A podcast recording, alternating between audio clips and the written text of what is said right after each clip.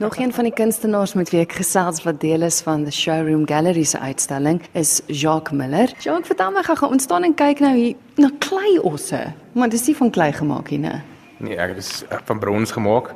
Dis maar jou tradisionele kleiosse wat hulle uh, gemaak het in die voortrekkertyd. Ek maar net gedink het ek gaan dit nou manifesteer in brons mm.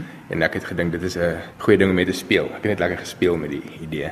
Werk jy hoofsaaklik in brons? In brons en klip, ja. Ek dink ons 'n goeie simbiose tussen die twee materiale en dis albei organies en natuurlike elemente. So ek dink dit is 'n baie sterk kombinasie. Van waar is jy? Ek is gebore in Pretoria en ek is nog al jare hier. So ek sê beeldhouer hier so ek het by die Technikon se kunskampus studeer, my nasionale diploma gedoen in fine arts, beeldhou en skilderkuns en toe daarna het ek voltyds begin kuns maak, ja. Hoekom brons? Jy het nou gesê die simbiose tussen brons en maar brons Klip. is harde werk. Ag, ek hou van 'n moeilike harde werk. Goeie antwoord. Moeiliker beter, hoe harder beter en en die swaarder. Ek dink dit is altyd natuurelemente en dit het altyd doel met vir ewigheid en verganklikheid. Dit is basies hoekom ek hierdie gekies het. Hmm.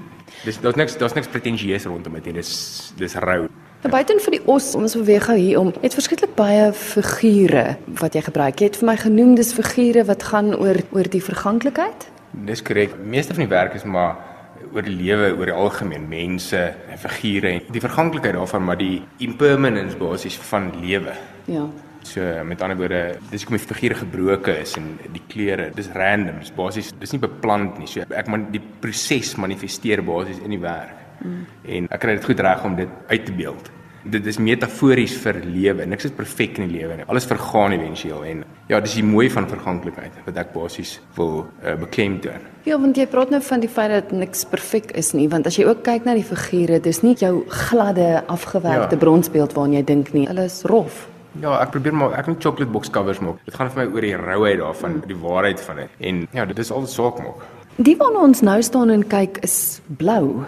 Hoekom blou en brons bymekaar uit? Ek, ek dink dit is maar kleure komplementeer mekaar. Ek bedoel dit is maar ek het hier natuurlike patinas in sekere lande of het jou verskillende reën en goeters oksideer die materiaal maar dit gee 'n natuurlike patinas. So ek kies nie regtig my kleure nie. Ek bestaan my op en oggend en besluit ek gaan daai beeld net maar groen maak, maar watse tipe groen uitkom is onbeplan. So dit gebeur maar soos dit gebeur. En is 'n patina, ekskuus, iets wat jy na die tyd oorsit? Ek brand dit basies op. Ek maak die beeld warm met 'n vlam en ek spuit die patine op en ek brand dit op die brons en ek seël hom met 'n was. So dit is basies die ding wat ek opsit. Of ou kan hom as jy metaal rou los en jy sit hom basies buite, sal hy met tyd oksideer en hy sal sy eie natuurlike patina maak. Maar dit is net bietjie makliker om die ding te kleer, jy weet, vir al vir uitstal doeleindes en so. Nou interessant genoeg jy het genoem dat jy skilder ook en hier is nou inderdaad ook twee van jou werke, dis windpompe. O ja, pynlik lekker ja. Probeer verf. Ja, nee, ek verf windpompe, ek hou van windpompe en beeste en portrette. Ek verf baie portrette ook. Ja, dit is net en ek het 'n ander perspektief rondom die windpomp. Ek zoom in op die windpomp en ek verf die windpomp. Ja. Wat is die siel van die windpomp? Die wiel, die wiel. Ja, ja. die wiel en jy weet die hele ding. Die metaal, die kleur van die verskillende metaal en die vinne van hom en alles. So ek dink dit is nogal 'n uh, ander perspektief van die windpomp. Hmm. Wat ek beeld goed uit.